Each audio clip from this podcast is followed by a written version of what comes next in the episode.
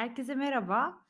Geçenlerde bir bölüm paylaşmıştım. Orada, eee, bedenimizin ürettiği atıktan bahsetmiştim. Orada da, ş bir konunun altını çizmiştim. Hani, evet, hani, çok atık üretmek mesele değildir. Hani, mesele, eee, iyi hazmetmektir diye ama, eee, bu mesele biraz kabızlıkla karıştırılıyor ki kabızlık da çok önemli bir mesele ve günümüzde, eee, çok sık karşılaştığımız bir mesele.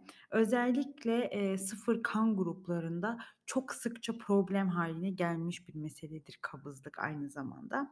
Ama, eee, şimdi kabızlıkla ilgili çok, çok, çok şeyler anlatılabilir tabii ama kısa ve öz anlatacak olursak eğer kabızlık varsa bir bünyede o zaman şunu diyebiliriz: Sindirim sisteminde, eee, bir şeyler düzgün gitmiyor ve eğer sizin sindirim sisteminde bir şeyler iyi gitmiyorsa, yani kötü gidiyorsa o zaman orada bir hazım ve emilimle ilgili bir sıkıntı vardır.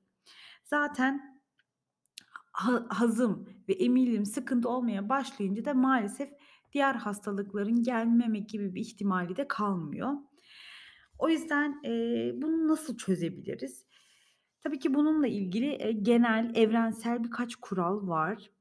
Eee, ben bir şeyin daha altını çizmek istiyorum bu büyük abdest meselesiyle ilgili. Hani, eski mesela tabipler şunu önerirmiş: Hani, bir öğüne geçmeden önce ondan önceki öğünün, eee, atığını atmış olmak gerekiyor diye. Yani o posayı, o artığı, eee, tuvalet yoluyla çıkarmış olmak gerekiyor.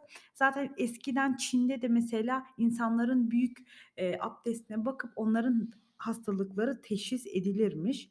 Emm, hani, bir tane, eee, deyim vardır, "Ne kokar ne bulaşır." diye. Biz bunu biraz daha böyle, işte, cimri, eee, insan için, eee, kullanırız ama, eee, buradaki aslında mesele o tam da, eee, büyük abdestte bahsettiğim mesele.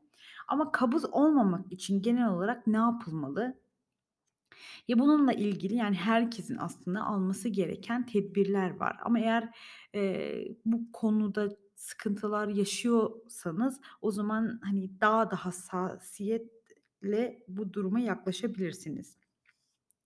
Bir kere kan grubuna göre beslenmeyi ben çok anlattım ki bu çok önemli. Eee, 0 grupları dedim ama kabızlık, yani, sadece 0 gruplarında gözüken bir mesele değildir. Sadece onlar, hani, et eti de çok tükettikleri için ve protein, böyle, hazım olarak, hani, ne kadar kan grubuna göre uyumlu olsa da uzun bir süresi olduğu için buralarda sıkıntılar olabiliyor.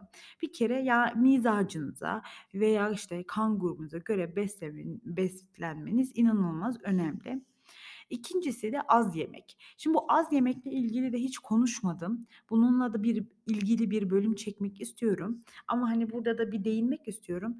Eee, bizim az yemeğimiz ne kadar ya da bir porsiyonumuz, yani, bir öğünde yiyeceğimiz porsiyon ne kadar büyük olmalı? Şimdi ben burada bunu açıklarsam hepiniz çok üzülürsünüz ama söylemeden de geçemeyeceğim. Eee, herkesin, eee, bedeni farklı, eee, cüssesi farklı ama Allah bize, eee, işaretler vermiş. Bu işaretleri de takip edersek aslında bizim bir öğünde yememiz gereken miktar bir avuç kadar. Eee, yani, bir yumruk kadar. Bir avuç derken, hani, yumruğumuzu sıktığımız zaman ama çok hadi sıkmayalım diyelim, böyle, hani, hafif, böyle, parmaklarımızı kıralım. O kadar büyüklükte ama tabii şunun da altını çizmekte fayda var. Eee, şu an yediğimiz gıdalar maalesef, eee, eskisi kadar, eee, yani, vitaminli değiller.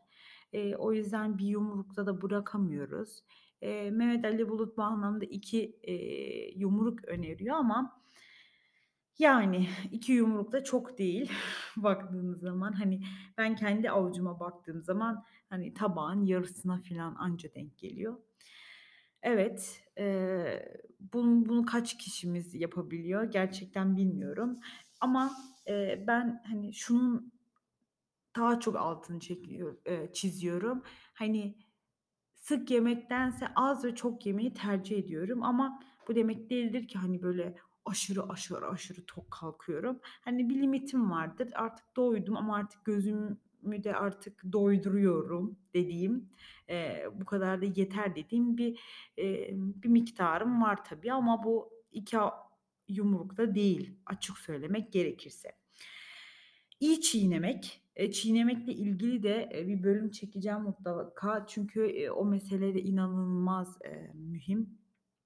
Hani, iyi çiğnemekten kasıt en az 16 kere hatta bu da bununla ilgili 50 kere filan gibi bir, eee, sözü var ama, eee, en az bir 16 kere çiğnemek gerekiyor. Eee Su meselesi, su mes meselesiyle ilgili zaten bir bölüm çekmiştim. Hani, yemekten yemeğe oturmadan bir yarım saat önce su içmeyi bırakıp, işte, yemek yerken su içmemeyi ve yemekten sonra bir 2 saat boyunca hiçbir şey içmemeyi alışkanlık hâline getirmemiz lazım ki, ha sindirim sistemimiz rahatça yediği o gıdaları hazmetmek için konsantre olabilsin. Aksi takdirde içtiği suya gıda muamelesi yapıyor ve bu gereksizce, hani, gereksiz bir şekilde, eee, sindirim süresini uzatıyor. Karışık yemek. Eee, bu karışık yemek, eee, meselesi aslında çok mühim. Özellikle, hani, zaten hep diyorum proteinleri ben karıştırmamaya dikkat ediyorum. Hani, salatada bu biraz daha iyi. Aynı şekilde sıralama da biraz önemli. Hani, eee, mesela bizim bizde şöyle bir şey vardır, hani, yemekten sonra bir meyve, işte, o mesela sıkıntı. Yani tatlıyla başlamak bu anlamda daha faydalı.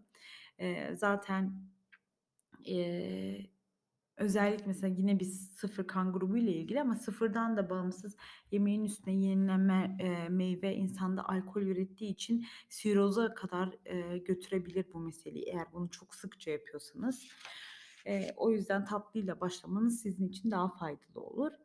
Eee, kabızlık sıkıntısıyla çok sıkıntı hani, kabızlık sizin için çok sıkıntıysa o zaman bol bol yürüyüş yapmanız gerekiyor. Çünkü yürüyüş sindirim sistemini inanılmaz pozitif anlamda etkileyen bir meseledir.